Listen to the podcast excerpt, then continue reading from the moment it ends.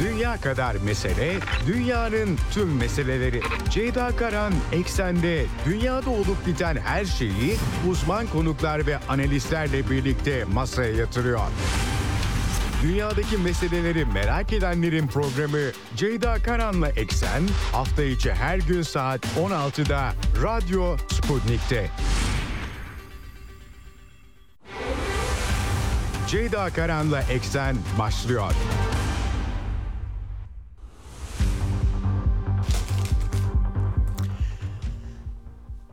Eksenden merhabalar efendim. Bugün 19 Aralık 2023 günlerden salı dünyadan haberlerle karşınızdayız yine. Yine sıkıntılı bir resim var maalesef dünya çapında başta İsrail-Filistin çatışması olmak üzere Gazze'deki savaşta. Filistin tarafında can kayıpları artık 20 bine dayanmış durumda. 2 aydan biraz daha fazla zaman geçmişken Birleşmiş Milletler Güvenlik e, Konseyi dün toplanacaktı. Birleşik Arap Emirlikleri tekrar bir tasarı hazırlamıştı ateşkes için ama e, olmadı anlaşma sağlanamadı. Bugün akşam saat farkı da var. Bakacağız ama sahada gelişmeler arka arkaya geliyor. E, pek çok e, not aktaracağım size.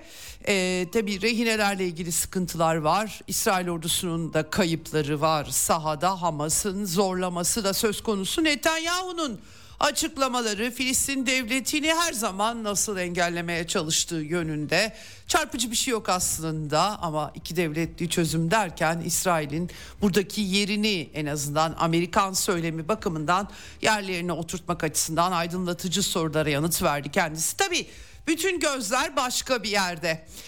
Gazze Savaşı'yla e, e, dün Lübnan ayağını konuşmuştuk hakikaten bir anda İsrail yönetiminden sürekli ikazlar geliyor Lübnan'la savaşa bölgesel bir çatışmaya dönüşmesi bağlamında. Diğer yandan Yemen'deki Husiler resmi tamamen karıştırmış durumdalar. Amerikan yönetimi beklendiği gibi dün de aktarmıştım size. Kızıldeniz için çok uluslu bir misyon duyurdular. Refah muhafızı ismini taktılar. Tabi deniz ticareti açısından kritik bir bölge burası.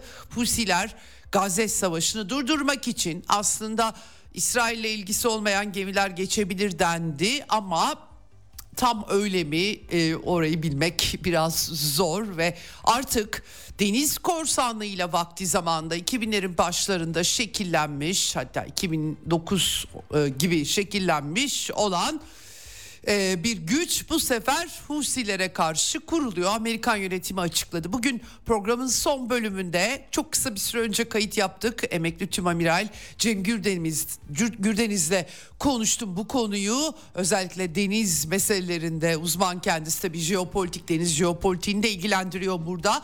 Ne hedefleniyor? Hedeflere ulaşılabilir mi?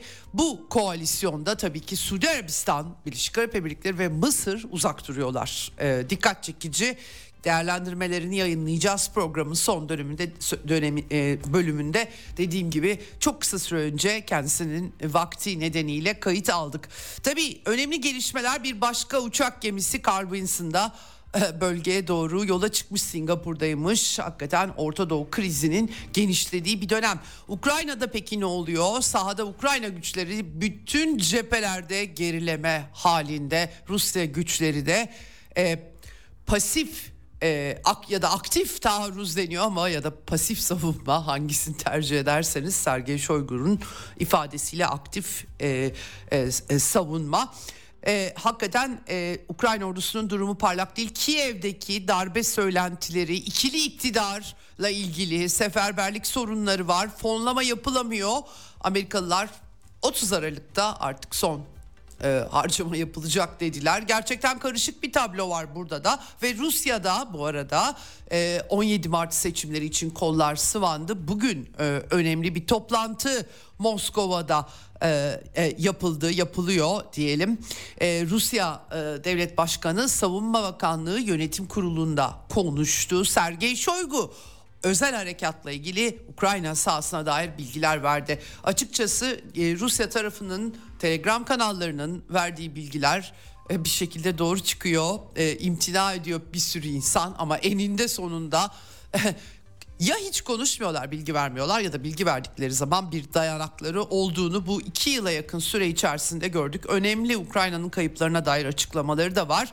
Sergey Shoigu'nun tabii Putin'in değerlendirmeleri var. Yine dün Cumhurbaşkanı Erdoğan Macaristan'ı ziyaret etmişti. Günübirlik uçakta dönür, dönerken açıklamalar da yaptı. Viktor Orban tarafından ağırlandı. E, yapılan açıklamaları, mesajları aktaracağım size. Rusya Başbakanı Mihail Mishustin ise Çin Çin'e Çin'i ziyaret ediyor. Dikkat çekici Asya'da da çünkü bir e, kızışma hali olduğunu hatırlamak gerekiyor.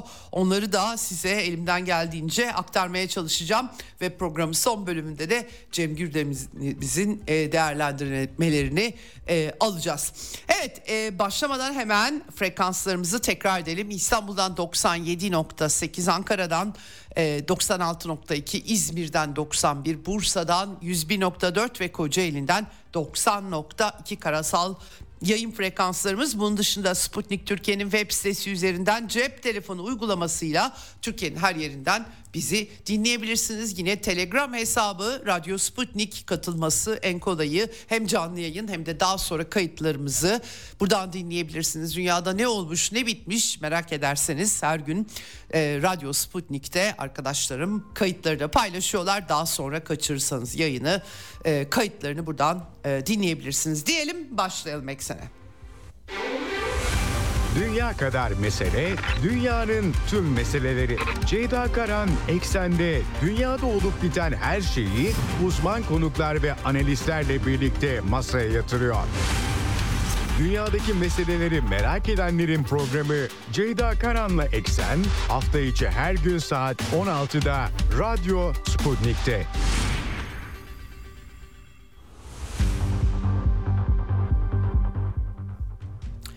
Evet şimdi e, İsrail-Filistin çatışmalarından başlıyoruz. Artık iki ayı geçmiş durumda ve can kaybı Gazze Savaşı'nda 20 bine dayandı. 19.453 olarak açıklandı en son. E, e, Gazze'deki Sağlık Bakanlığı yetkilileri tarafından yaralı sayısı da 52 bini aşmış durumda e, bir türlü e, teskin edilemiyor, dindirilemiyor. Bunun da ötesinde e, bölgesel çatışma için her türlü alamet ortada. Çok dengeli, dikkatli yürütülmesi gereken bir süreç aksi takdirde gerçekten işler çığırından çıkabilecek durumda. Şimdi İsrail ordusunun tabi Gazze'de bir yandan Cebaliya e, Gazze'nin kuzey şeridinde e, özellikle gece bombalaması arttı. Bugün yıkım görüntüleri yansıdı. Belediye binasının da havaya uçurulduğu Cebeliye'de e, bilgileri var. Görüntüler var burada. Tabii ki Hamas'tan, Hamas'ın askeri kanadı Kassam Tugaylarından açıklamalar var, videolar da var.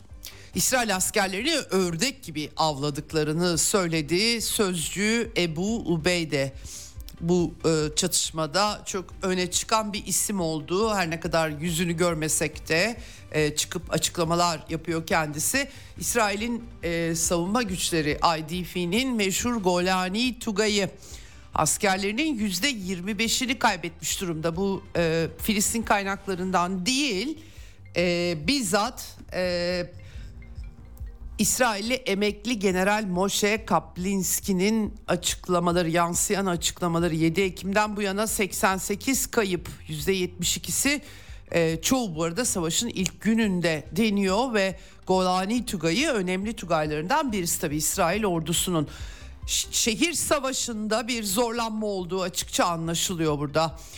E, video görüntüleri var pek çok sosyal medyaya artık yansıyan e, Merkava tanklarının buldozerlerle çekildiği tabi karşılıklı yayınlanan videolar var. İsrail tarafı da operasyonların videolarını yayınlıyor. Böyle bir e, kara e, mücadelesi şehir savaşı iki taraflı propagandalarla devam ediyor diyebiliriz. Diplomaside ne var? Diplomaside Birleşmiş Milletler Güvenlik Konseyi oturumu dün akşam üye ülkeler arasında anlaşma sağlanamadı. Ertelendi. Birleşik Arap Emirlikleri yeni bir ateşkes tasarısı hazırladı ama e, Amerikan yönetiminin belirli noktalara itiraz ettiği belirtiliyor. Bu akşama kalmış gözüküyor. İnsani yardımlar, çatışmaların sona ermesi, insancıl hukukun uygulanması, BM Genel Sekreterinin bir denetleme mekanizması kurması gibi gibi unsurları var. Ee, Amerikan vetosu aşılabilirse eğer diyeceğim var. Tabii Joseph Borrell Avrupa Birliği'nin dış politika şefi bir paylaşım yaptı X hesabından. Korkunç bir ayrım gözetme eksikliği böyle ifade etti. İsrail'in toplu cezalandırmasını açıkçası sivilleri ayırmama şeklinde yerinden edilmiş sivillerin bulunduğu kilise ve ibadet yerlerine yönelik saldırılarda çok sayıda sivilin öldüğünü dile getirdi. Dün aktarmıştım size keskin nişancıların öldürdüğü iki Hristiyan Filistini Arap e, hafta sonuna damgasını vurmuştu.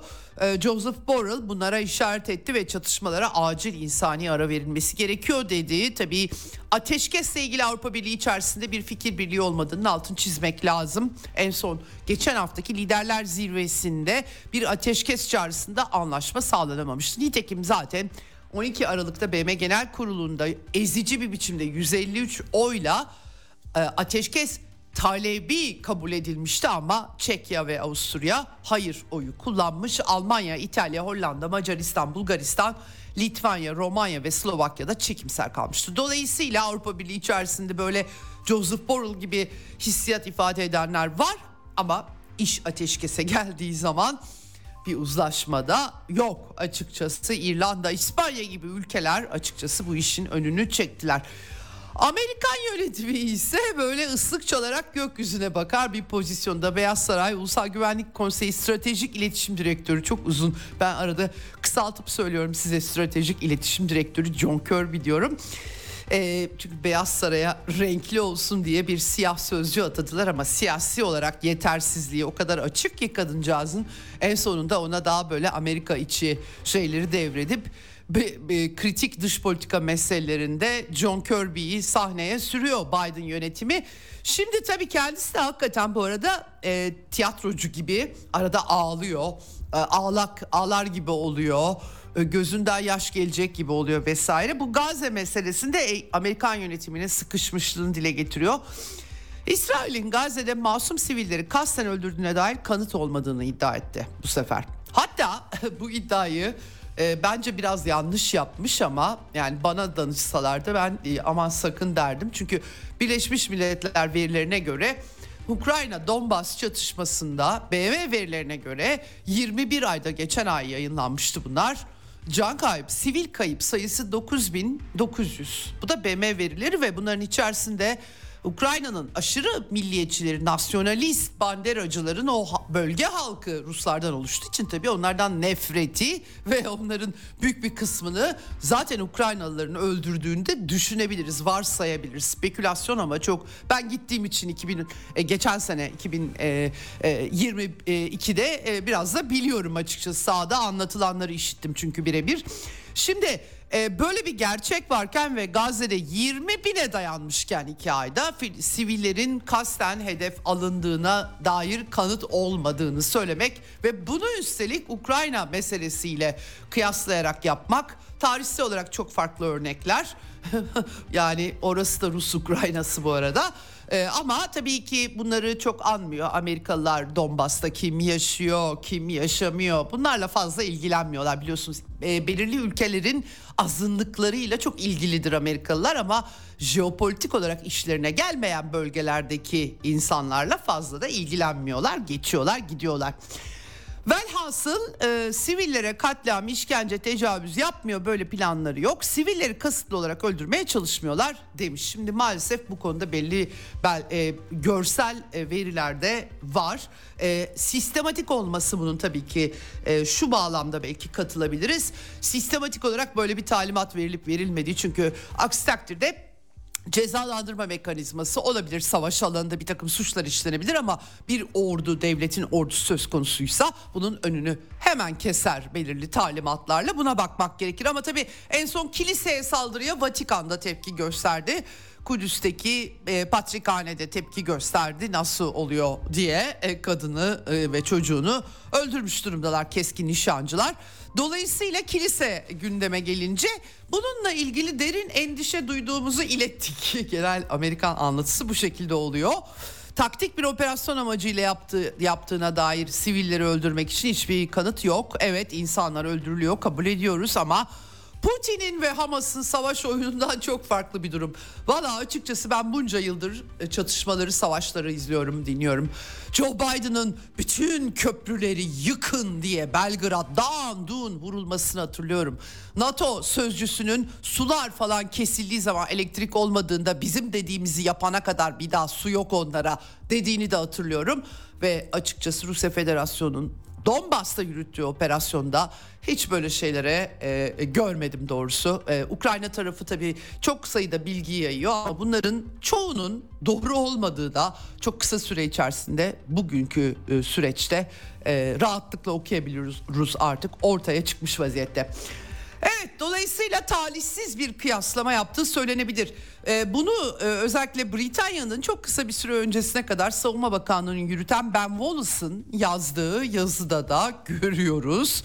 Ben Wallace tabii ki e, Hamas'ı eleştiriyor. Tabii ki Filistin tarafının da çok destekçisi değil ama makalede Cenevre Sözleşmeleri kapsamında yükümlülüklerimize kuvvetle inanıyorum. İmzacılar bu sözleşmeye uymalı. Hamas'ın peşine düşmek meşrudur. Gazze'nin büyük bir bölümünü yok etmek meşru değildir. Orantılı güç kullanmak yasaldır ama toplu cezalandırma, sivillerin zorla hareket ettirilmesi yasal değildir. İsrail'in meşru müdafaa konusundaki asıl yasal yetkisinin kendi eylemleriyle zayıflatıldığı tehlikeli bir döneme giriyoruz ahlaki otoritesini kaybetme hatasına düşüyor. Yani John Kirby istediği kadar kıvırsın daha düne kadar birlikte çalıştığı Britanya'nın savunma bakanından ciddi ciddi uyarılar gelmiş. Böyle devam ederse uluslararası sempatinin sona ereceğini söylüyor. Ben dünyada e, ilk başta belki 7 Ekim'de herkes tabii ki e, e, sokak ortasında insanlar öldürüldüğü için İsrail'e bir sempati oluştuğunu ama sonra ağır misilleme ve toplu cezalandırmalarla dünya çapında bu sempatinin tamamen ortadan kalktığını düşünüyorum. Sadece e, belirli bir bölümü ve de tabii medya burada e, önemli. Çok fazla yalan e, atabilirsiniz bir süre sonra o da patlıyor tabii ki. Böyle bir çerçeve var. Velhasıl Ben Wallace kısa süre önce Savunma Bakanlığı yürütmüş Ben Wallace John Kirby'nin bütün söylemlerini çökertecek nitelikte uyarılar yapmış durumda. Şimdi bu arada tabii ki Hamas, Hamas'ta sütten çıkmış ak kaşık değil. Öyle bir şey zannetmemek gerekiyor. Direniş örgütü olarak tabii İsrail'in eylemleriyle giderek dünya çapında popüler oluyor ama Hamas'ı biz Suriye'den de biliyoruz. Şimdi burada bir de 3 yaşlı İsrailli rehinenin videosunu yayınlamışlar. İçlerinden ortadaki ee, Şahin, Şahin Peri anladığım kadarıyla 79 yaşında burada yaşlanmamıza izin vermeyin diyor. Yalvarıyor adeta bizi kurtarın e, diye. 240 kişiyle beraber e, rehin alınmış Hamas'ın baskını sırasında Kibbutz Niroz'dan ee, tabii e, gerçekten çok vahim e, burada bu rehine olayının kendisi de öyle. Sadece tabii İsrail tanklarının bu arada kendi kibutslarını vurdukları ve sivillerini öldürdükleri de ortaya çıkmıştı. Ama bir ordunun öyle bir panikte yanlış yere ateşi açması da söz konusu olabilir. Bu konuda soruşturmaya herhalde bakmak gerekiyor. Ama Hamas tabii pek çok insanı askerlerin dışında sivilleri de alıp götürdüğünü biliyoruz. Tabii İsrail bu e, tıbbi bakıma muhtaç yaşlı sakalları da uzamış sivillerin bu şekilde teşhir edilmesini terörist video diye nitelendirdi. E, ordu sözcüsü e, Şaim işte e, Yoram Amiram diye e, seslenmiş. Şunu bilin ki sizi sağ getirmek için her şeyi yapacağız dedi. Bir başka Kadın rehine Yarden Roman Gat Amerikan CBS kanalına konuşmuş 54 günlük esaretini anlatmış ve istismar korkusuyla yaşadığını söylemiş.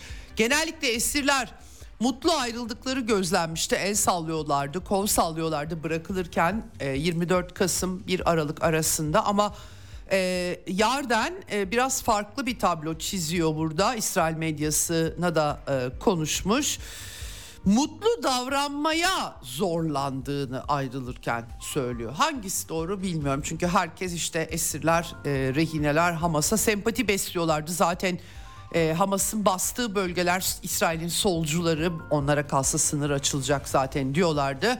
E, dolayısıyla e, belki de hepsi aynı şekilde hissetmiyor. E, böyle bir anlatı da var bunu da aktarmak istiyorum. Evet.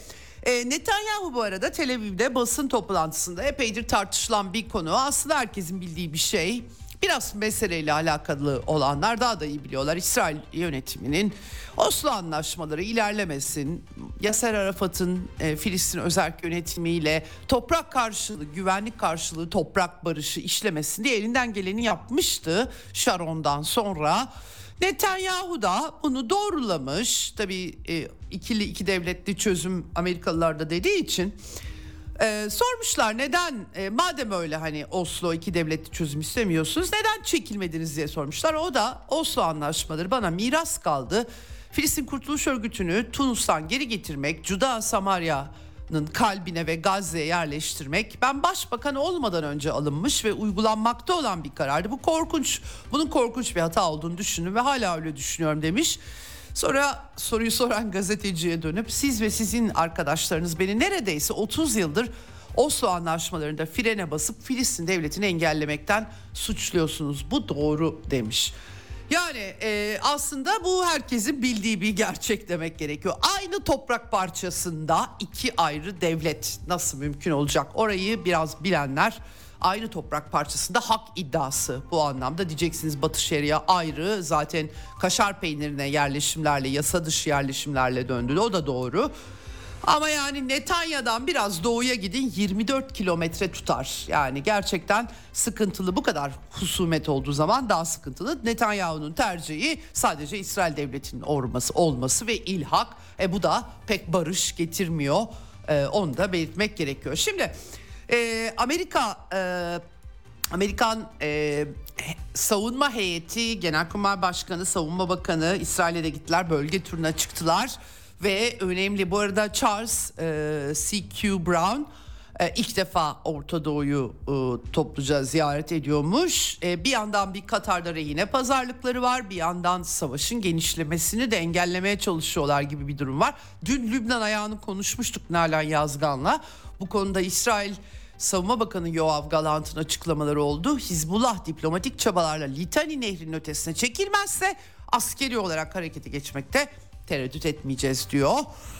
Ee, dün konuştuk hakikaten bu pek imkan dahilinde gibi gözükmüyor. BM'nin 2006 savaşını sona erdiren e, UNIFIL misyonunu yenileyen 1701 sayılı kararına rağmen e, tabii 2006'da İsrail ordusu bir yenilgi yaşamıştı Hizbullah karşısında ve ondan sonra da e, e, ya Nalan Yazgan da uyarmıştı neredeyse 30 kilometrelik bir alan bu derinlemesine. Dolayısıyla Lübnan küçük bir ülke 30 kilometre mümkün gözükmüyor. Nasıl olacak bilmiyorum ama Amerika merkezli Aksiyon sitesi de e, Hizbullah'ı sınırdan 6 mil yaklaşık işte 10 kilometre diyelim geriye itme niyetindeymiş İsrail ve bunu Amerikan yönetimine bildirmiş. Daha önce Times gazetesi de e, İsrail ordusunun Lübnan, Güney Lübnan'ı işgal planları yaptığını yazmıştı. Dün aktarmıştım size.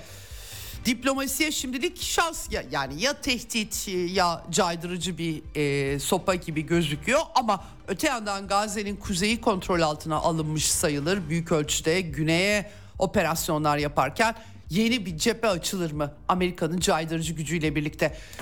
Bilemiyoruz. Şimdilik kestirmesi zor ee, ama bunun Kızıldeniz ayağı şimdiden yavaş yavaş ısınıyor diyelim. Husiler, Yemenli Husiler Gazze'deki Hamas e, hareketine ve Filistinli diğer direniş gruplarına destek için İsrail'e giden bütün gemileri hedef alacaklarını duyurmuşlardı. Geri kalan ülkelerin gemileri rahatlıkla geçebilir demişlerdi ama onları nasıl tespit ettikleri ayrı bir mesele elbette.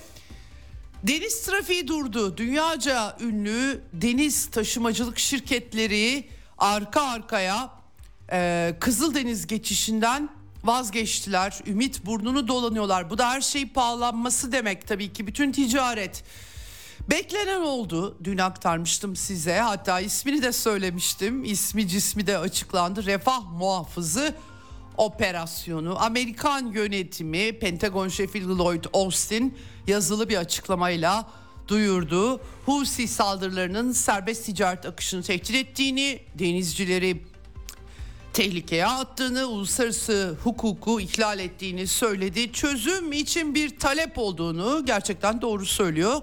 Taşımacılık şirketleri özellikle petrol taşımacılığı önemli.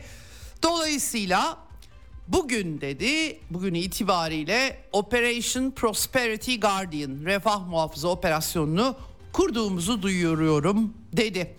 Bu e, e, ortak deniz gücü ve 153. 153. görev gücü ee, Kızıldeniz'de buradan oluşturacaklar. Aslında daha önce kurulmuş bir yapı bu ama deniz korsanlığı Somali hattında e, malum e, 10 seneyi aşkındır devam eden bir mesele bu.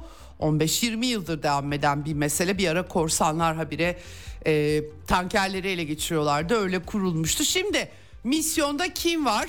Amerika, İngiltere, Bahreyn, Kanada, İtalya, Fransa, Hollanda, Norveç, İspanya yer alıyor. Ama Suudi Arabistan, Mısır ve Birleşik Arap Emirlikleri yok. Çok dikkat çekici bu. Neden yoklar? Çünkü Suudi Arabistan Yemen'le 2015'ten bu yana korkunç bir savaş. Hiç kimse dikkat bile etmedi ama başarılı olamadılar ve en son bu yıl Yemen'le görüşmelere başlamışlardı. Ee, ve e, tabii Husiler giderek güçlendiler. Füze yeteneklerini geliştirdiler. Suudi Arabistan'ın petrol ve Birleşik Arap Emirlikleri'nin petrol tesislerini hedef alabiliyorlar. Gerçekten tehlikeli bir durum. Amerika açısından da bir takım deniz unsurlarını kaybedebileceği iddiaları var.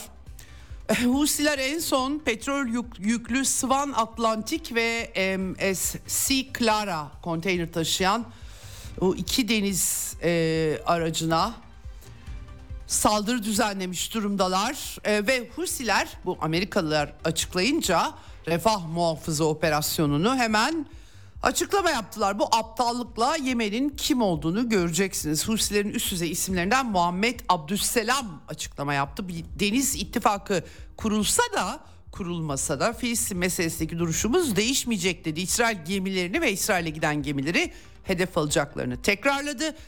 Gazze e, savaşı sona erene kadar e, buna devam edeceğiz dedi. Hakikaten Husiler denge değiştiren hamleler yaptılar ve e, ama tabii bunun sonu ne olacak? Çünkü Babül Mendeb Boğazı çok önemli ama dün aktardım size en çok Mısır'ı etkiliyor. Yeni bir Süveyş krizi yaratıyor bölgede.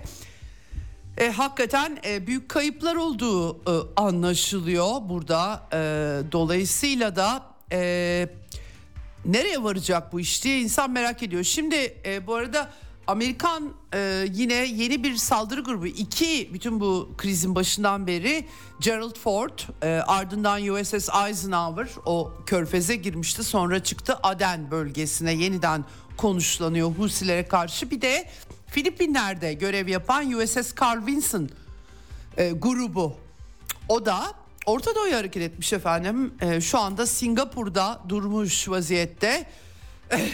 Yani hakikaten bilemiyorum bu iş nereye varacak artık böyle 3 savaş gemisi grubu. Yani bunların bir de e, fırkateynler var onlara eşlik eden gemiler var. Nihayetinde durum daha da kötüleşecek gibi gözüküyor. Bu arada tabii deniz ticareti etkilenirse Avrupa'ya giden malların fiyatları artacak. Yani büyük bir kriz var. Hindistan en son iki destroyer konuşlandırmış durumda Aden Körfezi yakınlarına güdümlü füze destroyeri diye açıkladılar. Hindistan donanmasına ait Ins Kochi destroyeri bir de e, e, hayalet destroyer güdümlü füze hayalet destroyeri demişler. INS e, INS Kochi INS Kolkata Aden e, körfezine deniz güvenliği için konuşlandırılmış. Böyle bir hakikaten sıkıntılı bir durum var. En son e, e, İngiliz petrol devi BP e, durdurmuştu Kızıldeniz rotasını. Çinli firma o, o SL e, pardon CL e, durdurmuştu. Geçişleri askıya almıştı. E, Maersk, Maersk e, Danimarka'nın e, valla e, 29 milyar dolara yakın Alman Alman e, Hapag Lloyd'un 36.4 milyar dolara yakın kayıpları olduğu söyleniyor. İsrailli Zim 6 milyar dolar deniyor. Evergreen 20 milyar dolar deniliyor. Yani bu kadar büyük kayıplar tabii pek çok şeyi tetikleyecektir. Gerçekten sıkıntılı. İran'ın devrim muhafızları e, havacılık ve havacılık komutanı Hacızade açıklama yapmış. Hamas'ın El Aksa tufanı operasyonunun bütün dünya ve bölgede büyük olayların başlangıcı olduğunu söylemiş. Yani ben de söyleyebilirim bütün bu gelişmelerden sonra. Siyonist oluşumun çöküşüne neden olmuştur diye bir saptama yaptı. Yine Hacızade bu operasyonla birlikte tabii daha henüz bitmiş değil onu belirtmek gerekiyor. Böyle devam ederse diye öngörüyor Hacızade Amerika'nın çöküşüne tanık olacağız. Amerikalı vergi mükelleflerinin parasını kullanarak Siyonist grubu koruyamıyorlar diyor. Evet. Evet bakalım hakikaten ne olacak? Ee, e, askeri dengeleri değiştirebilecek neler yaşayacağız daha bilemiyorum. Bu arada Mısır'da El Sisi, bu arada Mısır bir, hareketsiz çünkü seçimler de vardı Mısır'da. El Sisi yeniden seçildi dün aktarmıştım size. Tebrikleri de kabul ediyor. Ee, Irak'ta da seçimler, yerel seçimler vardı ama henüz çok net e, sonuçlar görmedim. Efendim bir de Ukrayna çatışması var. Amerikan yönetimini zorlayan e, 4 Haziran'da başlayan Ukrayna taarruzu 7 Ekim'den çok önce başarısız olacağı belli olmuştu. Ortaya çıkmıştı aslına bakarsanız. Yıpratma savaşında büyük kayıplar Kasım'la birlikte, Kasım ayıyla birlikte artık görünür oldu ve Batı medyasında e, mağlubiyet ifadesini anmıyorlar. Dikkat çekici seçiyorlar kelimelerini. Başarısızlık diyorlar mesela taarruzun başarısızlığı. Failure kullanıyorlar ya da işte e, çıkmaz diyorlar. Stalemate diyorlar. Ama asla defeat kelimesini İngilizce analizlerde kullanmıyorlar. Halbuki ol, olmakta olan açıkçası bu. Bütün cephe hattında Rusya güçlerinin atakta olduğunu söyleyebilirim. Telegram kanallarından Avdiivka, Mariinka'da büyük ölçüde Ukrayna güçleri çekilmiş durumda, temizlenmiş durumda. Daha da ötesine geçiyorlar. Konstantinovka hattında Çasovyar'a Rusya güçlerinin yaklaştığı bilgileri var. Güney Donetsk'te Nova Mihailivka'ya girdikleri, tank kollarıyla bu arada girdikleri söyleniyor ee, Ukrayna kanallarından bunların çoğunun askeri kanallarından doğrulandığını da aktarıyor. Rusya kanalları İngilizce kanallarda aynı şekilde durum hiç parlak değil. Kirinki bölgesi Herson'da e, orada da e, hatta Ukrayna içerisinde niçin askerler orada ölüyorlar diye soruyorlar. Gerçekten anlamsız bir taarruz oldu çıktı köprü başı elde ettik diye ilk başta Batı medyasına sunulmuştu. Özellikle Daily Telegraph, New York Times gibi gazetelerde sonra köprü başı olamadığı anlaşıldı. Evet tabii yani yalan ve şişirmecenin bir sonucu var açıkçası. Ee, şimdi e, bu arada e, bir küçük not da aktaracağım. Katar'ın arabuluculuğunda bir e, 2019'dan beri Ukrayna'da tutulan bir Rus çocuk Nihayet annesine kavuşmuş Moskova'ya geri dönmüş. Bunu Kova Havaalanı'nda annesiyle buluşmuş. Savaş alanından çocukları da çıkartıyordu Rusya Federasyonu. Ne de olsa orası Rusların, Rusça konuşanların yaşadığı Ruslar açısından Sovyet, Sovyetler Birliği'nin yarattığı bir e, coğrafya. Sınırları da en son halini Sovyet döneminde almıştı. Şimdi dolayısıyla da kendilerine yabancı insanlar değil zaten aynı e, diye son dönemde özellikle Rusya anlatısında daha da vurgulanır oldu.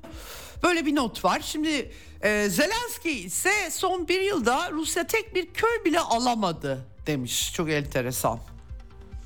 Rusya kanallarında fazla kokain mi içti acaba diye çeşitli e, analizler yapılıyor doğrusu söylemek gerekirse. Tabii ki öyle olmadığı çok açık. E, yani İlginç bir durum. Kiev'deki ikili iktidar mücadelesinin devam ettiğini söyleyebilirim. Dün aktarmıştım size. Ee, Zelenski ile Genelkurmay Başkanı Zaluzhny arasında e, bir gerçekten büyük bir husumet içten içe kazan kaynıyor ama e, Amerikalılar ve Batılılar e, nedeniyle bir darbe de yapamıyorlar birbirlerine. E, en son dinleme cihazı bulunduğu ortaya çıkmıştı Zarujin'in ofisinde. Ya şimdi kullandı ya da taşınacağım artık tam orasını anlayamadım ama Zelenski zaten e, Andriy Yermak'ın kontrol ettiği ilanılıyordu. Acaba bu e, şeyi kim yerleştirdi diye açıklamalar var. Zaluzhny bir video açıklaması yapmış. Cephede durumun kritik olduğunu e, söylemiş. Taarruz durumuna dair soruyu yanıtlamamış bile. Zaten kendisinin 400 milyar dolar ve 17 milyon mermi istediği kulislere yansımıştı Pentagon şefinin ziyareti sırasında. Amerika'da tabii şaşkına dönmüştü dünyada 17 milyon mer- mermi yok diye. Geçen sene yetenekli subayların kovulduğunu bu taarruzun başlangıcında filan bunları söylemiş. Tabii Ukrayna'da büyük bir seferberlik krizi var. Asker istihbarat şefi Budanov dün aktarmıştım açıklamalarını. Gençlerin askere yazılmak istemediğini kendisi söylemişti. En son uygunluk taşıyan hastalık listesi yayınlamışlar. Kadınları ve yaşlıları da ve öğrencileri de e, seferberliğe davet et, e, e, dahil etmeye çalışıyorlar. Artık yani tüberküloz, efendim küçük işlek bozuklukları, viral hepatit, asemptomik HIV gibi ruhsal bozukluklar onları da alacaklarmış. Öyle bir acayip bir durum. Şimdi Beyaz Saray'dan açıklama var. Yine stratejik iletişim direktörü John Kirby de söyledi. Pentagon'dan da açıklama yapıldı bu konuda. Ukrayna'ya ayrılan fon 30 Aralık'ta bitiyor. Artık fazla bir şey kalmadı. Bugün 19 Aralık. E, Bloomberg'de e, Pentagon muhasebecisi Michael McCord'un mektubunu ele geçirmiş yayınlamış. O zaten kongreye bunu bildiriyor. Bütçede kalan para 1 milyar 70 milyon. Onun işte bir kısmı 635 milyon doları füzelere, 210 milyon doları 155 milimetrelik mermilere falan filan harcanacak. Ondan sonra da finito bitti. Başka bir şey kalmadı. Finansman tükenmiş olacak. Ama kongrenin artık Şubat'a yani bütün bunların Şubat'a kaldığı söyleniyor. Şubat'a kadar biraz kim öyle kim kala çünkü başkan aday adaylığı yarışı da hızlanacak. Hep beraber göreceğiz. E, Amerika'da da artık başka kaygılar devreye giriyor. E, Biden yönetimiyle ilgili ciddi sıkıntılar da yansıyor. Wall Street Journal gazetesi Biden politikalarından yakınan Amerikalıların Trump varken daha iyi durumda olduklarını söylediklerini aktarmış bu enteresan. En azından ekonomik açıdan vergilerin azaltılması, göç, enflasyon bu kadar yüksek değil de alım gücü düştü diye şikayet ettiklerini aktarıyor Wall Street Journal.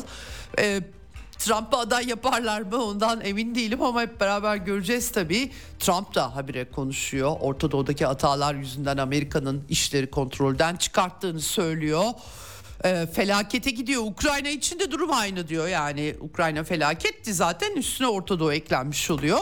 Ve eğer Trump'ın kazanırsa Reuters haber ajansına göre radikal adımlar atacakmış. Hakikaten başka bir Amerika mı göreceğiz? Trump kazanabilecek mi, izin verecek mi derinde onları bilmiyoruz ama Dışişleri, Pentagon, CIA gibi kilit kurumlarda görev değişiklikleri yapmak kolay gelsin diyeceğim var kendisine savunmaya yönelik mali desteği azaltmak, NATO öyle e, Avrupalı müttefiklere res çekecek herhalde anladığım kadarıyla daha çok para. Gerçi Boris Pistorius gibi Almanya'nın e, militarist geçmişini canlandıran savunma bakanları zaten böyle bir hedef koymuşlardı. Trump'la çok da ters düşmeyecek olsalar gerek bu bağlamda. Ukrayna'yı finanse etmeyi durdurmak, Çin ile ticareti azaltmak. Tabii Trump gelince her şey düzelmiyor.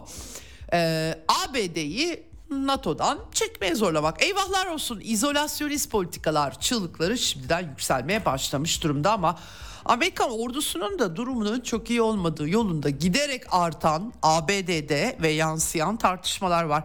Bu tabii Trump destekçisi e, Breitbart e, muhafazakar portalı özellikle TikTok kullanımı tabii Çin e, ve TikTok büyük bir mesele ABD'de. Burada e, Amerikalı askerlerin kötü yemekler, işte formda olmamak, özgürlüklerin bastırılması falan videolar doldurup yayınlıyorlar. Gerçekten enteresan tabii.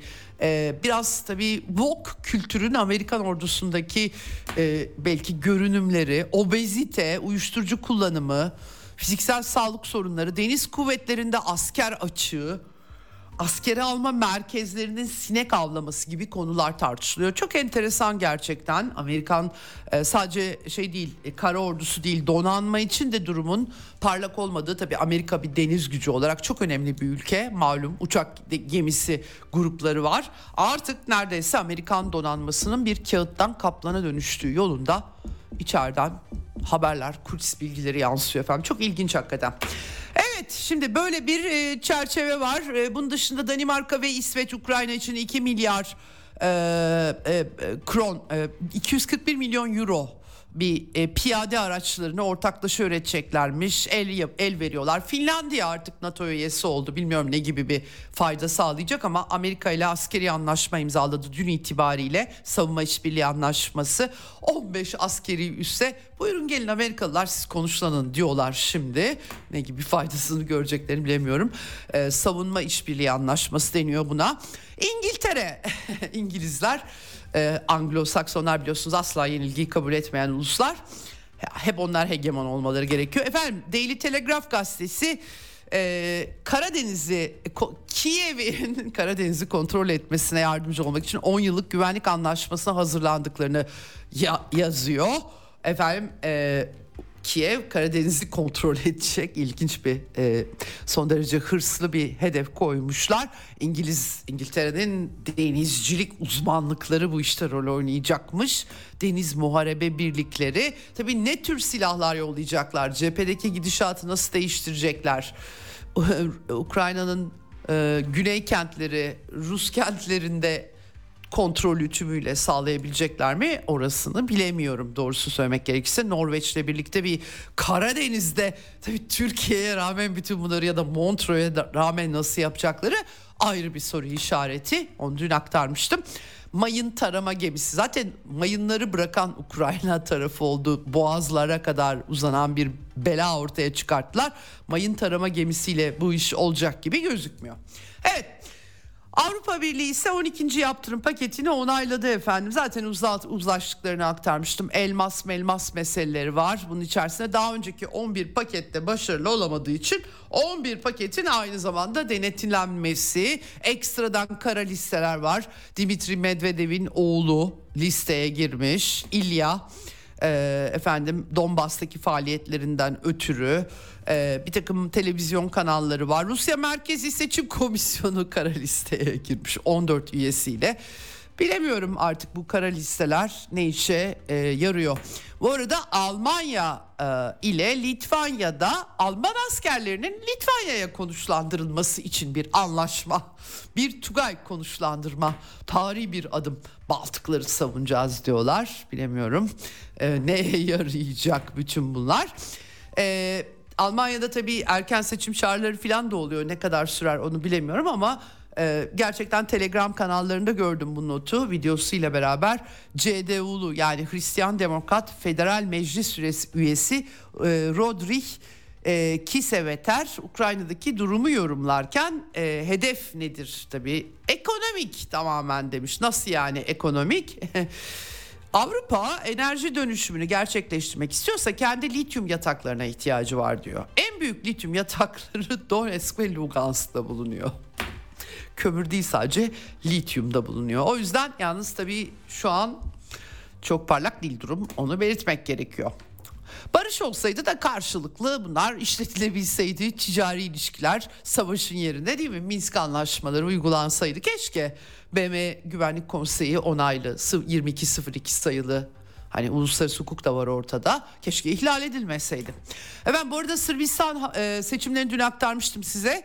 E, Alexander Vucic'in partisi ilerici parti de e, kazandığı bilgileri gelmişti %45'ten fazla. 250 sandalyenin 130'unu aldığı belirtiliyor ama e, e, Soroscu muhalefet kabul etmiyor şiddete karşı Sırbistan sahtekarlık ve oy hırsızlığı ithamları getirmişler. Protesto gösteriler ama çok da kalabalık gözükmüyor. 4-5 bin kişi e, deniyor bilemiyorum o kadar büyük kitleler yok yani. E, çoğu sayılmış klasik bir e, meydan senaryosu mu planlıyorlar onu bilemiyorum ama bu Soroscu devrimlerin hiçbir ülkeye bir hayrı olmadı. Genel olarak özelleştirmeler ne var ne yoksa satılması devlete ait kamuculuğun gömülmesi gibi e, sonuçlar dışında herhangi bir şey üretmiş değil biliyoruz. İşte Ukrayna'nın hali ortada tabii Ukrayna'yı ayrıca bir silaha da çevirdikleri için başka bir yerlere olay geldi. Evet e, şimdi tabii Fransa ve Almanya'da biliyorsunuz e, protesto gösterilerine çok sert bastırılmıştı. Tazikli sular sıkıldı, göstericiler dövüldü, gözleri çıkarıldı. Bilemiyorum Sırbistan'da Fransa ve Almanya'daki gösterilere yapılan sert müdahaleleri kendilerine örnek olarak alırlar mı? Onu beraber göreceğiz. Sergey Lavrov'un açıklamaları var. Pervi kanala, birinci kanala konuşmuş. Ee, yani burada biraz böyle perde arkası bilgisi vermiş. Ukrayna için böyle müzakereler, dondurma falan hala tartışılıyor batıda. Think tankçiler, düşünce kuruluşlarından. Yani bunu e, Rusya'yı oyalamak için ortaya attıklarını. Richard Haas'la buluşması, Charles Kupchan'la buluşması ben bahsetmiştim size. Ta yaz başlarında bahsetmiştim aslında. Haziran sonu Temmuz başı gibi. Bunları doğrulamış görüşmeler yaptığını söylemiş. Ee, yani ama bu arada biraz dalga geçer gibi konuşuyor Lavrov. Yani bir yandan böyle konuşurken bir yandan Ukrayna'nın rezervlerini, askeri teçhizatını yenileyip tekrardan bir daha kullanmaktan bahsediyorlar bunlar. Yani bizi aptal mı zannediyorlar? Ee, bakışı bu tabii ki doğal olarak e, Rusya Federasyonu Minsk aldatmacasından sonra Şimdi tabii e, Sergey Lavrov e, Türkiye'de Narishkin Burns görüşmesi oldu. Yeni bir şey dile e, getirilmedi. E, söylem politikası var ama Batı'nın politikalarının özünü değiştirmiyor bu. E, zaten ha, şeyi de yanıtlamış Biden Rusya NATO'ya saldırabilir. Saçmalık diye nitelendirmişti Putin bunu. Yani o, herhalde çok büyük ümitsizlik olma içerisinde olmaları gerekiyor ki böyle şeyler söylüyorlar. Tehlikeli fikirler ortaya atıyorlar. Zaten bu F-16'ların ee, Ukrayna'dan da kalkamayacaklarına göre işte Romanya, Polonya'ya konuşlandırıp oradan havalandırma fikri de pek parlak bir fikir değil diye eklemiş efendim. ABD ve İngiltere'nin geçilmemesi gereken sınırların var olduğunu bilmesi gerektiğini söylemiş Sergey Lavrov. Hakikaten önemli. Evet. Şimdi Rusya'da 17 Mart 2024 seçim tarihi e, Vladimir Putin yani görebildiğim kadarıyla biraz Rusya kamuoyunu e, takip etmeye çalışan bir insan olarak e, seçilmemesi için hiçbir sebep yok e, açıkçası. E, bütün resmi belgeleri sunmuş durumda adaylığı için ilk kişi de kendisi. Bugün Savunma Bakanlığı Yönetim Kurulu ile genişletilmiş bir toplantı gerçekleştirildi e, yeni yıla dair işte 2023'ü değerlendirmişler askeri olarak 2024. Sergey Shoigu'nun açıklamaları var çok dikkat çekici. 4 Haziran'da başlayan Ukrayna taarruzu ki e, bittiği ilan edilmedi ama hani artık herhangi bir taarruz yok. Bu süreçte Kiev'in 159 bin askerini yitirdiğini söylemiş. Özel harekatın başından bu yana bu sayıyı 383 bin neredeyse 400 bin olarak vermiş. Çok büyük bir kayıp gerçekten. O mezarlık görüntüleri hakikaten telegram kanallarına sık sık yansıyor. Çok ağır bir insan kaybı bu. 121 uçak 37'si Alman leoparları olmak üzere 766 tank. Abramslar hala sahada yok demiş. E, Donetsk ve Lugansk'ın 5 katı büyüklüğünde bir toprak parçasının kurtarıldığını Rusya bu olayı artık zaten aynı aileden bir liberasyon olarak açıkça koyuyor. Bunu belirteyim daha önce de aktarmıştım size. E, artık yani Minsk anlaşması falan da yok ortada. E, dolayısıyla Rus Ukraynası'nın kurtarılması söz konusu. Galicia değil ama Galicia sayılmıyor. Evet e, taarruz sonuçlarını kapsamlı olarak aktarmış. E, Rusya'da bu arada birliklere katılım sürecinin yabancı gönüllülerin sayısı 7 kat arttı diyor. 490 bin sözleşmeli asker bu yıl e, ve gönüllü katıldı diyor. 4 binden fazla öğrenci kendi inisiyatifleriyle başladılar bu işlere diyor. Yani Ukrayna'nın aslında tam tersi bir tablo çiziyor. Ee, NATO ordusunun Ukrayna hava savunmasını doğrudan kontrol ettiğini yani Ukraynalılarla değil NATO ile karşı karşıya olduklarını e, telsiz dinlemelerinden Amerikan İngilizcesi, Polonya dili, İngilizce konuşmaları kaydettiklerini yani onları bu hava savunma sistemleri verilen Alman Iris-T'ler, e, Patriotlar şunlar bunlar onları bizatihi NATO subaylarının çalıştırdığını da söylemiş oluyor. Putin de değerlendirmeler yaptı. Rusya'ya karşı bir hibrit savaş yürütüldüğünü tekrarladı. Bu yıl yaşananlar doğruladı dedi. NATO'nun saldırgan doğasının artık çok net olduğunu yani savunma falan değil doktrin belgelerinde açıkça ortaya konulduğunu Sovyetlerin dağılması sonrasında Rusya'da 5. kolla birlikte çalıştıklarını Rusya'yı ayrıştırma parçalama hedefi güttüklerini aslında doğru söylüyor. Think tanklerin raporlarında açıkça dekolonizasyon diyerek böyle şeyler söyleniyor. Açık açık konuşuluyor. Batı eski Naziler olmalarına rağmen Ukraynalı milliyetçilere her zaman güvenmiştir diyor. Ukraynalıları kardeş halk diye nitelendiriyor. Güneydoğusu da Rus halkının yaşadığı topraklar. Dolayısıyla Biz Ukrayna ile ilişki kurmak için her şeyi yaptık ama darbe 2014'te anayasal rejimi değiştirdiler ve e, sonuç itibariyle Kırımlılar durumu görüp derhal Rusya'ya geri döndüler ve böyle bir durum çıktı. E, NATO zaten sözlerini tutmuyor bir santim bile ilerlemeyeceğiz derken Rusya'yı çevrelediler. Rusya Avrupa ve NATO ile savaşmayacaktır e, diye net olarak dile getirmiş e, Vladimir Putin. E, ayrıca Rusya'nın Ukrayna'nın egemenliği ve toprak bütünlüğünün tek garantörü olduğunu söylemiş. Çok önemli e, vurgular e, ve e, Ukrayna'nın batısında yaşayan pek çok insanın Polonya, Romanya ya da Macaristan'a gitmeyi de tercih edebileceğini söylemiş. Stratejik olarak e, askeri olarak Rusya'yı bir yenilgiye uğratma girişimi yürütüldüğünü ama Rusya ordusunun ve askerlerinin cesareti ve dayanıklılığı karşısında bu girişimin çöktüğünü dile getirmiş. Başka şeyler de var. işte iletişim sistemleri eksikliği, İHA üretimi ki çok sayıda arttığını anlıyorum ben. Gece görüşlü İHA'lar da var. Finlandiya ile ilgili e, demiş ki zaten sürüklendiler onlar NATO'ya. Aslında bu ittifakın sınırlarımıza yaklaşmasının bir başka aşaması yani hani sürekli olarak çevre, bildiğimiz NATO çevrelemesinin en somutlaşmış hali elbette. E, bunları dile getirmiş. Bir de Kuzey Deniz Yolu Süveyş kanalı işte Rusya'nın işine geliyor falan gibi şeyler söylüyorlar. E zaten deniz yolu açılıyor orada illa bir krize gerek var mı? Bunu hatırlatmış e, bir açıklamasında Putin. E, daha verimli zaten kargo taşımacılığı artıyor. Buz kıran filoları da var. Daha bunu da geliştirmek lazım diyor. En kısa su yolu hakikaten Avrupa ile Uzak Doğu arasında ve açılıyor o su yolu. Evet. Bir çatışmaya gerek yok yani zaten. Evet. Ziyaret etti Cumhurbaşkanı Erdoğan. Viktor Orban tarafından ağırlandı. Macar mevkidaşı Katalin Novak'la da görüştü. Tok hediye etmiş Cumhurbaşkanı ve bir de Macar atı kendisine hediye edilmiş. Valla hakikaten bence Cumhurbaşkanı karlı çıkmış. Macar atı daha ilgi, ilgimi çekiyor doğrusu benim. Ortak basın toplantısında tabii ikili ilişkiler, ticaret hacminin arttırılması, e, geliştirilmiş stratejik ortaklık, ee, Orban Türkiye olmadan Macaristan'ın güvenliği yok demiş. İlginç çarpıcı geldi bu cümlesi doğrusu söylemek gerekirse bana.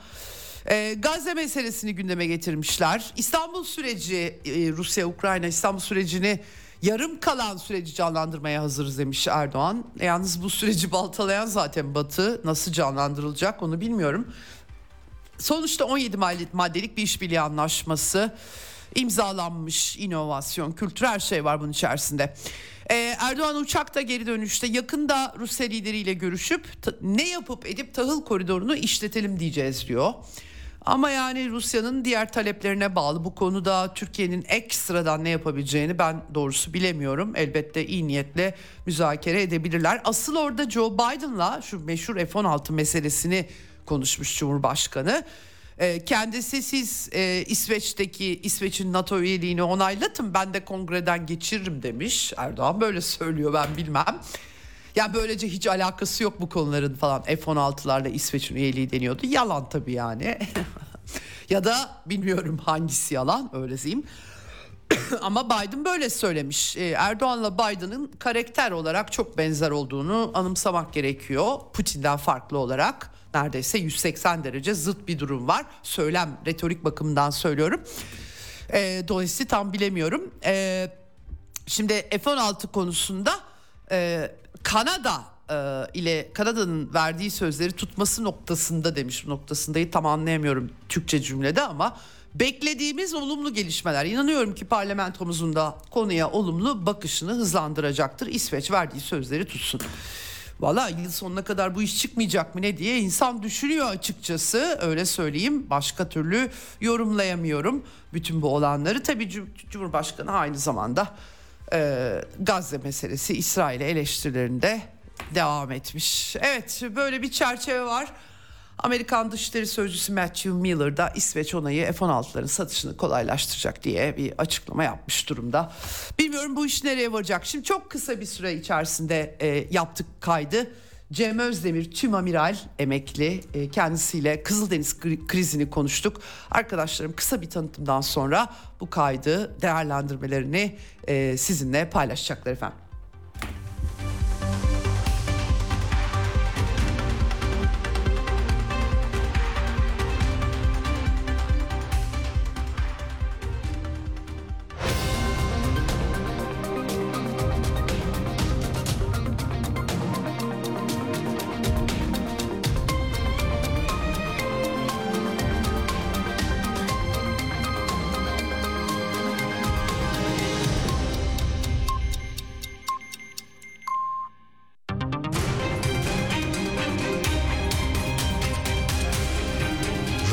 Sputnik. Anlatılmayanları anlatıyoruz.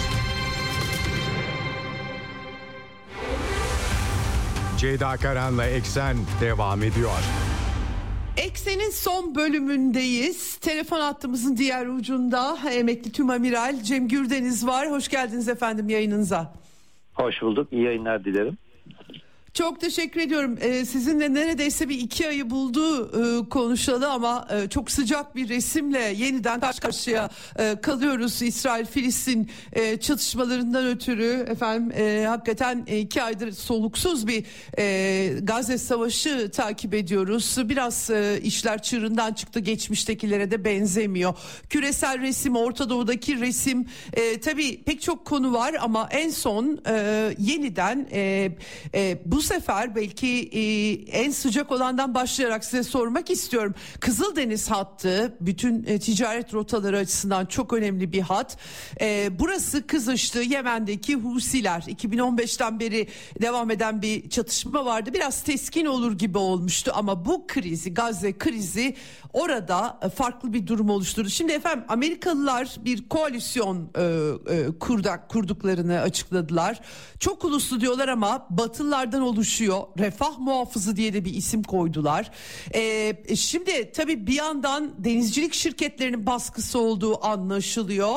E, bir yandan da e, bir operasyon başlattılar ama nedir bu operasyon tam olarak ne olacak kafalar karıştı. Ee, biraz e, e, bu konudaki son gelişmeyle ilgili değerlendirmelerinizi önce almak istiyorum. Ee, Kızıldeniz odaklı bir e, çatışmaya mı giriliyor?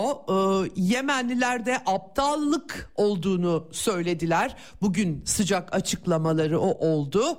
Ee, nedir acaba bir Kızıldeniz odaklı bir başka bir e, alevlenme mi olacak?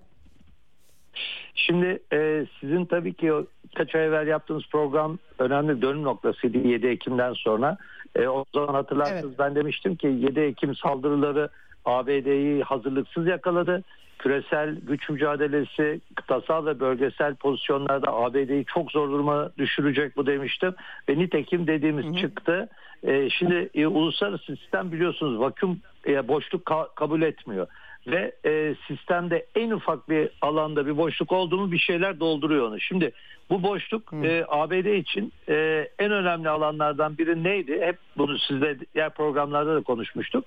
Deniz e, hegemonyası çok point dediğimiz düğüm noktalarını kontrol eder. Siz düğüm noktalarını kontrol ettiğiniz sürece ya donanmanızla ya müttefik yani ittifak sistemleriyle ya ikili anlaşmalarla ya da sert güçle buraları kontrol edersiniz. Şimdi baktığınız zaman dünyada 8 tane önemli e, çok point veya düğüm noktası var. Baktığımız zaman Panama kanalı, Suez kanalı, efendim Babel Mendeb, Türk boğazları, Malakka ve Hürmüz. Bunlar çok kritik boğazlar. Niye? Günde 40 milyon varil petrol denizler üzerinde hareket halinde ve bu noktaları kullanıyor. Yani düşünün dünya 100 bin 100 küsur bin varil milyon varil günde tüketiyorsa bunun yarısına yakını nerede hareket ediyor? Denizlerde. Denizlerde de bu dediğimiz noktalardan geçiyor. Şimdi e, ABD'nin en zayıf olduğu e, düğüm noktası neresiydi? Babel Mendeb. Bunu nereden biliyoruz? Hı hı. De 2009'da hatırlayın korsanlık diye başlamıştı değil mi? Deniz haydutluğu. Hatırlayın evet. o zaman ne oluyordu? Gemiler kaçırılıyordu. Mesela ben, ben çok iyi hatırlıyorum. 2009 yılında Sirius isimli bir Suudi Arabistan tankeri kaçırıldı. bir buçuk milyon varil petrol taşıyordu. Yani OPEC'in bir günlük rezerv miktarına yakını bir gemi ve haydutlar kaçırdı. Para için kaçırıyorlardı. Aradaki fark bu. Geliyorlardı 200-300 bin dolarlık böyle 3-4 tane uyduruk tekneyle skif dedikleri teknede gemiye çıkıyorlar. Personel esir alıyorlar. Karşında ne yapıyorlardı? Fidye istiyorlardı. Şimdi bakın evet. o bölgeyi biraz kuzeye alın biraz kuzeye alın ne çıktı şimdi? Yine aynı sorun. Yine deniz ticaret rotalarına yani ABD'nin esasında 1945'ten beri güvenliğini kontrolünü tekel olarak monopol olarak 11 uçak gemisi grubu 600 milyar dolara varan US Navy bütçesiyle Amerikan donanması bütçesiyle ben sağlarım diyordu. Şimdi ABD İsrail'in açtığı Pandora'nın kutusu nedeniyle e, bu deniz haydutluğu e, sorunundan sonra belki de belki de bu e, 21. yüzyılın en ciddi sorunuyla karşı karşıya. Yani günde kabaca 5 milyon varil petrolün geçtiği bir kanal, bir e, boğaz özür dilerim e, kapandı. Bakın daha dün British Petrol açıkladı. Belki takip ettiniz. Ne dedi? Evet, Babel evet. kullanmayacağım dedi. Geçen hafta e, Maersk, e, Çin'in firmaları, CGM, efendim e, pek çok diğer e, Avrupalı firma ne ilan etti? Biz artık dediler şey kullanmayacağız. Hemen de kullanmayacağız. Nereden geçeceğiz? Ümit burnundan. E peki Ümit burnundan geçen gemiler mesela Hürmüz'den çıkıyordu eskiden diyelim ki LNG tankeri e, bu akaryakıt tankeri e, İngiltere'ye gidecek olan Katar mesela LNG'leri nereden gidiyordu? Süveyş'ten geçip en kısa yol Cebel Tarık'tan çıkıyordu. Şimdi şeyden geçiyorlar Ümit burnundan kaç gün uzadı 17 gün hı hı. ya bırakın evet. onu geçenlerde benim bir tanıdığım aradı ee, Çin'den ithalat yapıyorlar Amiral'in dediler benim makalemi okumuşlar ben iki hafta evvelki makalemde bu problemin çıkacağını ve burada bir uluslararası gücün kurulmasının e, gerekeceğini söylemiştim. Gerekeceğini değil yani sistem oraya götürüyor demiştim. Çünkü uluslararası ticaret buna tahammül edemez demiştim. Nitekim, evet. nitekim geliyor değil mi sesim? Sesim geliyor değil mi? Evet, nitekim, evet, evet, evet, evet. E, evet, harika. Nitekim dediğim çıktı. Şimdi bakın, burada sorun şu. E, işin özü şu. Bu CMF dediğimiz yani CTF 153 yani Combined Task Force yani birleşik e, birleşik görev kuvveti ABD'nin liderliğinde kurulmuş CMF, CMF dediğimiz yani Combined Maritime Force ne zaman kurulmuştu bu? 2009'da. Kurucular arasında, çağrılanlar arasında Türkiye'de vardı. Hatta bakarsanız internete girin CMF'in üyesi evet. Türkiye görünüyor. Hatta bu CMF'ye 4 tane görev kuvveti vardır. 150, 151, 152, 153. 150'nin ve 151'in kuruluş nedeni deniz haydutluğuydu. Ve o zaman Türkiye hmm. hatta 151'e 4-5 kere komutanlık bile yaptı. Hem gemi gönderdik Hint Okyanusu'na hem komutanlık da yaptık. Ama bakın bir hmm. daha söylüyorum. Burada jeopolitik bir şey yoktu o dönemde. Jeopolitik bir hmm. e, mücadele yoktu. Neydi bu? Tamamen mahallenize hırsızlar da adanmış. Siz hırsızlarla hı mücadele, e, mücadele ediyordunuz. Yani o tekneler geliyor açık denizde. Siz o açık denizde o gelen sürat teknelere karşı ne yapıyordunuz? Geminizi koruyordunuz. Bu donanmalar da koca koca 1 milyar 2 milyar dolarlık fırkateynler gittiler bu küçük skiflere karşı küçük işte bu deniz haydutlarını e, korsanları taşıyanlara karşı ticaret gemilerini evet. konvoy oluşturup korumaya çalıştılar. Şimdi durum farklı. O zaman denizde hı hı. bir mücadele olabiliyordu. Ne yapıyordunuz? O gemi bir şey yakalandığı anda e, düğmeye basıyordu. Anında savaş gemileri, helikopterler veya sat komandoları gelip sizi kurtarıyordu. Şimdi olay denizde değil Ceyda Hanım. İşin, hmm. işin ciddiyeti evet. ve işin hmm. şeyi burada. Olay bir kere olayın çıkış nedeni jeopolitik ve İsrail'in Gazze'deki orantısız güç kullanma, asimetrik güç kullanma ve yaptığı katliama bir başka e, devletin ki buna Yemen diyebiliriz. Çünkü Yemen'in şu an büyük bir kısmını Husiler kontrol ediyor. Ve zaten hı hı. baktığınız zaman uluslararası medyada da Yemen olarak geçiyor. Yani e, sadece e, Sana'da yani başkent Sana'da e, 10 milyon insanı kontrol eden Husilerin Ensarallah grubu olarak çıkmıyor. Yemen olarak. Çünkü de facto şu an onlar orada e, yönetimi sürdürüyorlar ve kararları bunlar veriyorlar ve kıyılara bunlar hakim. Şimdi adam ne dedi Yemen'deki ordu sözcüsü hatırlıyor musunuz 3 Aralık'ta Yahya diye biri Yahya bilmem kim unuttum şimdi söyledim. Evet. Dedi ki evet. biz dedi bunu biz bu işi dedi e, Gazze'deki e, katliamı durdurmak için biz bunu yapıyoruz. İsrail gemilerinin İsrail'e yük taşıyan özellikle Kızıldeniz'deki tek liman olan Elyat limanına yük taşıyan e, İsrail sahipli İsrail bayraklı zaten çok çok az e, ve İsrail'e sözleşmesi olan gemilere biz saldıracağız dedi adam açık açık. Çünkü neden?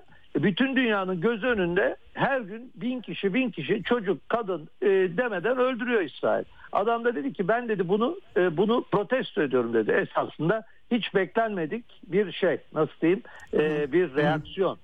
E, ki Yemen 2015'ten beri biliyorsunuz büyük bir sivil savaş ve Suudi e, rehberliğinde Birleşik Arap Emirlikleri'nin Bahreyn'in Katar'ında olduğu muazzam bir e, şey tarafından da ne derler koalisyon güçleri tarafından da e, savaş halinde olan bir ülke. Ama kalktı bu 7 Ekim'den sonra bir ay sonra ben dedi bu işe başlıyorum dedi. Hakikaten de işte bir İsrail e, sahipli gemiyi resmen el koydu. Onun gemiye ki bunların içerisinde Amerikan savaş gemisi, Fransız savaş gemisi, İngiliz savaş gemisi de var.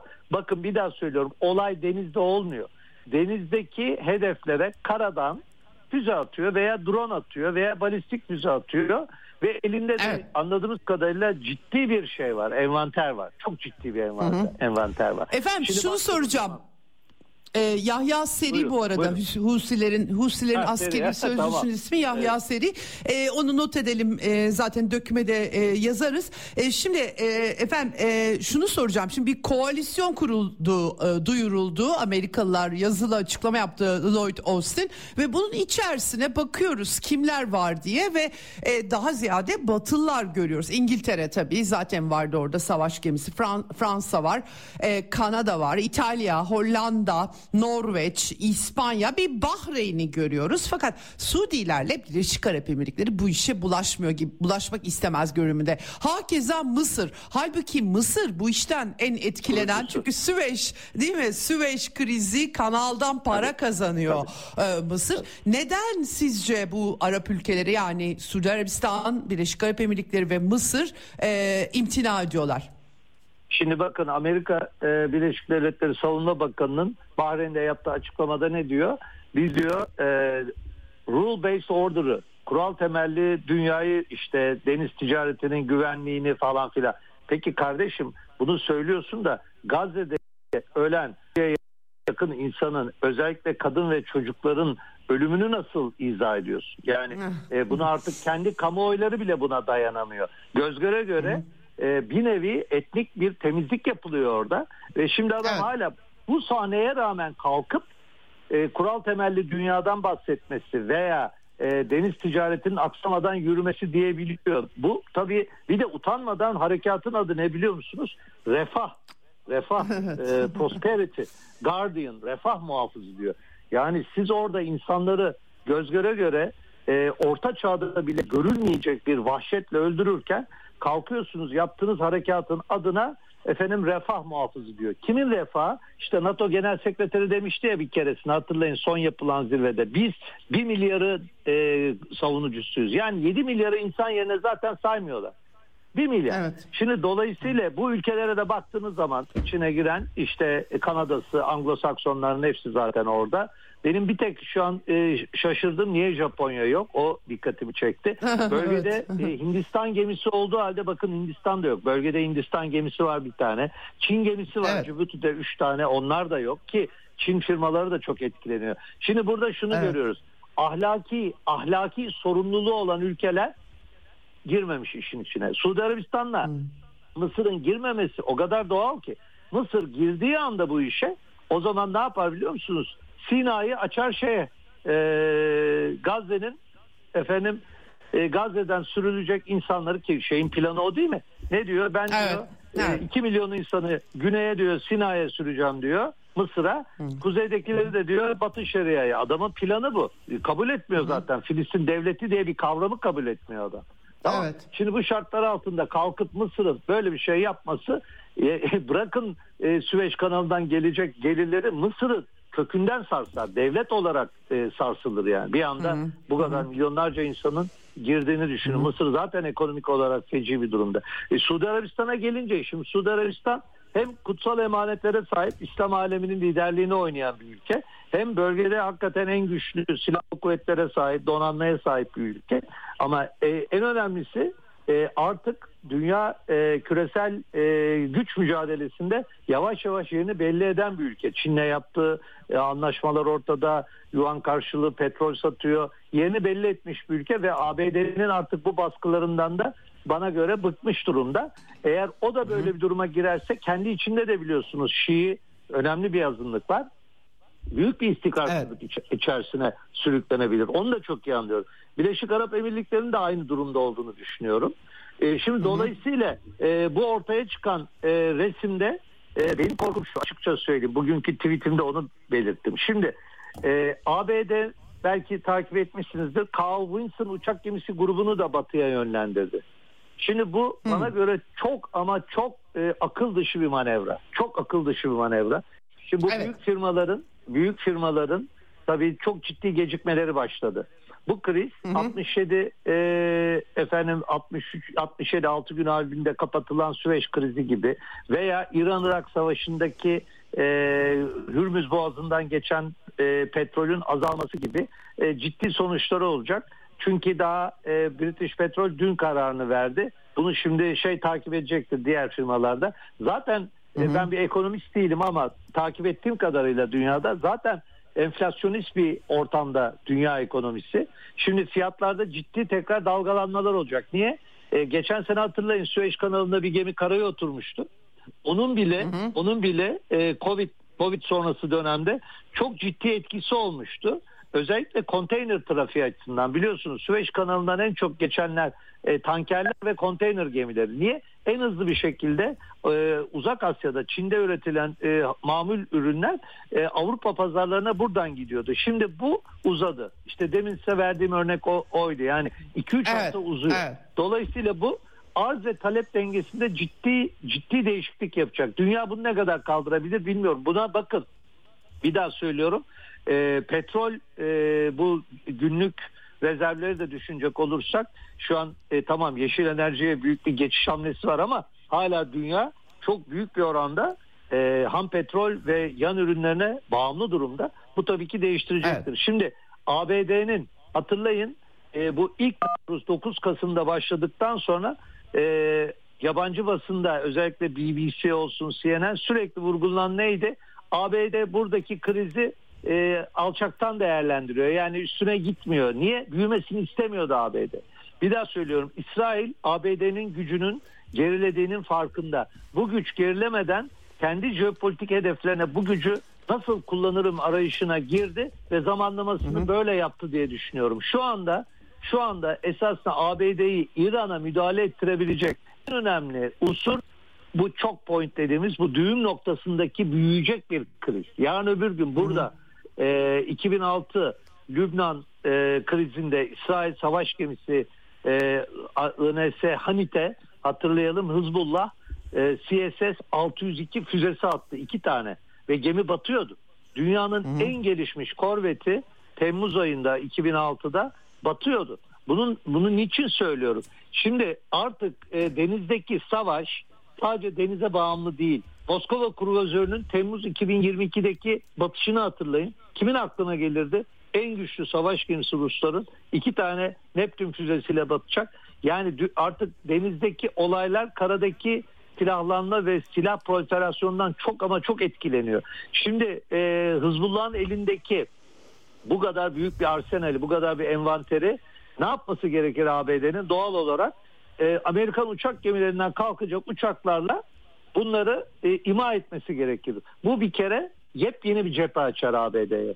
Hiç beklemediği anda beklemediği sonuçları olan ve e, zaten şu an Çin'den gerek Filipinler hı hı. gerek Tayvan e, krizi yukarı doğuda devam ediyor. E, Ukrayna'daki durumu biliyorsunuz daha dün e, sanırım Ukraynalılar bir açıklama yaptı bazı cephelerde harekatı durduruyoruz çünkü yardım gelmiyor diye. Ne Avrupa Birliği'nden ne ABD'den ciddi bir yardım biliyorsunuz hala tam olarak gelmiyor. Orada çok büyük bir gerileme var. Şimdi ABD için ben o yüzden e, şey dedim e, tweetimde bu dedim çöküşü çok hızlandıracak. Çünkü İsrail ABD'nin bu gücünü kullanmak istiyor. Ya bunlar diyor tamamen meydandan çekilmeden ben Orta Doğu'daki şekli hazırlayayım. Ona göre hı hı. geleceğe bakayım. Benim şahsi değerlendirmem bu. Ve o yüzden hı hı. şu an en çok arzu ettiği ne olabilir diye düşündüğümde İran'ın elindeki e, İsrail karşısındaki arsenali e, silah envanterine mümkün olduğu kadar zarar verebilmek. Şimdi yarın öbür gün İran'ın desteklediği Husiler e, olur da bir Amerikan gemisini batırırsa, Amerikan prestiji yerlere düşerse burada artık İran'a müdahale kaçınılmaz olur diye düşünenlerdenim ben. İşte hmm. o zaman da Hürmüz Boğazı kapandığında da e, Hürmüz'den nereden baksanız 20 milyon varil petrol geçiyor. Yani muazzam bir şey geçiyor. E, Hürmüz'ün kapatılması da İran için çocuk oyuncağı. Bu kadar basit. Şimdi dolayısıyla bu e, İsrail'in frenlenmesi gerekiyor. İsrail'i ABD'nin ve AB'nin böyle e, açık çek vererek sen git kardeşim sonuna kadar yanındayız. İşte bu sefer de ne oluyor? Bu boşluk dolduruluyor. Hiç beklemediği bir yerden bir devlet dışı bir örgüt e, Husiler çıkıyor ve burada ABD'nin nasırına basıyor. ABD'nin nasırı bu. Bu çok ciddi bir alan. Yani bütün küresel deniz ticareti, küresel ticaret bundan etkileniyor. Dünyada yılda 14 milyar ton ticaret var. 14 milyar ton. Bunun 12'si denizden geçiyor.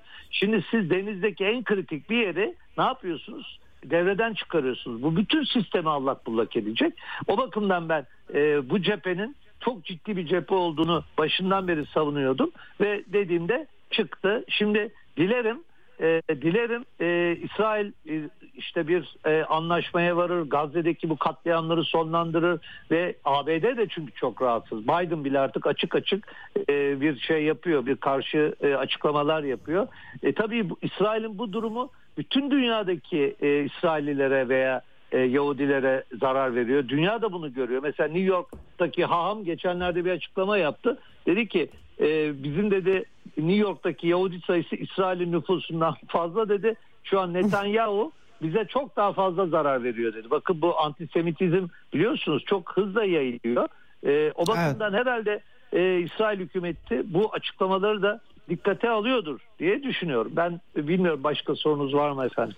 Ee, yani biraz e, vaktim azalıyor fakat hani Türkiye bu deniz korsanlığıyla mücadeleye katkı yapmıştı. Böyle bir yerde böyle bir koşulda herhalde e, yer almaz alır mı ya da öyle söyleyeyim. Şimdi bakın Türkiye Türkiye e, biliyorsunuz Ukrayna krizinden bu yana e, Montre'nin 19. maddesini uygulayarak ne demiş oldu? Krizde ben aktif tarafsın dedi. Yani Türkiye 2. Dünya Savaşı'ndaki modelin aynısını uyguluyor. Biraz tabii Ukrayna'nın tarafını tutarak da yani Ukrayna'ya silah yardımı, drone yardımı falan filan yapıldı. Onu hepimiz biliyoruz. NATO'daki açıklamaların hiçbirine Türkiye veto da koymadı Rusya aleyhindeki. Hı hı. Ee, diğer taraftan Rusya ile de iyi ilişkileri sürdürüyor. Bir denge politikası uyguluyor. Yani Karadeniz'deki politika Türkiye'nin çıkarlarına e, uyumlu. Şu an İngiltere çıl, çıldırı ve çılgınca yine projeler geliştiriyor biliyorsunuz. Evet. İki tane Sundowner evet. sınıfı mayın avlama gemisi hediye ettiler falan filan. Ben de onu ağır eleştirdim. Yani bu bunların savunma bakanı Montreux'u bilmiyormuş şeklinde bir yorum yaptım. Evet. Şimdi aynı pozisyonu Türkiye burada da uygulamak zorunda. Türkiye'nin tabii burada şöyle bir handikapı var. Şu an e, iktidardaki AKP e, şeyi Filistin sorununu iç oyları bu belediye seçimleri öncesindeki iç İslami oyları konsolide etmek için kullanıyor.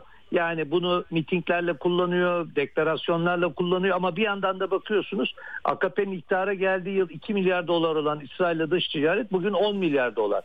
Baktığımız zaman o ticarette bir kesilme var mı? Yok. Ceyhan'dan evet. petrol nakli devam ediyor mu? Evet devam ediyor. Ee, peki e, ama diğer yandan Filistin'e de çok büyük destek oluyor. Burada da yani yukarıdaki savaşın benzeri bir şeyin uygulandığını düşünüyorum ama retorik olarak tabii İsrail'in e, çok çok çok e, karşısında bir retorik var ki İsrail tabii ki bu Gazze'deki e, katliamla bunu e, böyle bir retoriğin kullanılmasına da bence izin veriyor. Şimdi dolayısıyla Türkiye'nin böyle bir retoriği kullanıp e, evet Türkiye'nin e, Şubat 2023'te e, meclisten geçirdiği bir tezkere var. Tezkerede CTF 150'ye e, yani bu e, CMF'ye özür dilerim demin söyledim Combined Maritime Force'a evet. e, buradaki korsanlıkla deniz haydutluğuyla mücadele için Aden Körfezi, Somali açıkları e, ve mücavir bölge diye bir kelime var orada dikkat ederseniz mücavir. O mücavir bölge yani Türkiye isterse Kızıldeniz olarak da onu gösterebilir. CTF 153'e de gemi verebilir. Yani şu an tezkere buna izin veriyor. Ama bu kararı e, böyle bir retorik üzerinde hükümetin vermesi demek e, tabii ki e, çok çok aleyhinde olur iç siyaset açısından. Dış siyaset açısından da ben şahsi fikrimi söyleyeyim ahlaki olmaz. Ahlaki olmaz. Hı hı, Çünkü hı. burada bir daha söylüyorum sorun deniz haydutluğu gibi bir para kazanma sorunu. Burada sorun resmen bir katliama bir ülke dur demek için bir e, evet onun yaptığı da e, hukuki uluslararası hukuka uyan bir şey değil ama İsrail'in yaptığının uluslararası hukukla hiçbir alakası olmadığını düşünecek olursak bir dengeleyici hı hı. faktör olarak bunu görüyoruz. Türkiye'de burada madem denge kurmak istiyor kalkıp buraya İspanya gibi Fransa gibi savaş gemisi göndermesi demek e, siyaseten ve jeopolitik olarak ben Batı cephesinin yanındayım. Ben e, ahlaki normların dışına çıkıyorum. Ben e, Batı'nın emperyalizminin yanındayım mesajını vermek olur. Bu tabii ki siyasi bir e, karardır. Böyle bir karar vereceklerini de ben şahsen sanmıyorum. Peki. Çok çok teşekkür ediyorum değerlendirme için Cem Bey. Çok sağ olun. Ben teşekkür ederim. İyi günler efendim. İyi günler. Evet, emekli tüm amiral Cem Gürdeniz'le konuştuk. Amerikan yönetiminin Kızıldeniz için oluşturduğu yeni koalisyon, e, bölgedeki gelişmelerin dünyaya etkileri, Türkiye ne yapar burada? Bütün bunlara yanıt aradık, değerlendirmelerini aldık. Yarın görüşmek üzere, hoşçakalın efendim. Ceyda Karan'la Eksen sona erdi. Dünya kadar mesele, dünyanın tüm meseleleri. Ceyda Karan Eksen'de dünyada olup biten her şeyi uzman konuklar ve analistlerle birlikte masaya yatırıyor. Dünyadaki meseleleri merak edenlerin programı Ceyda Karan'la Eksen hafta içi her gün saat 16'da Radyo Sputnik'te.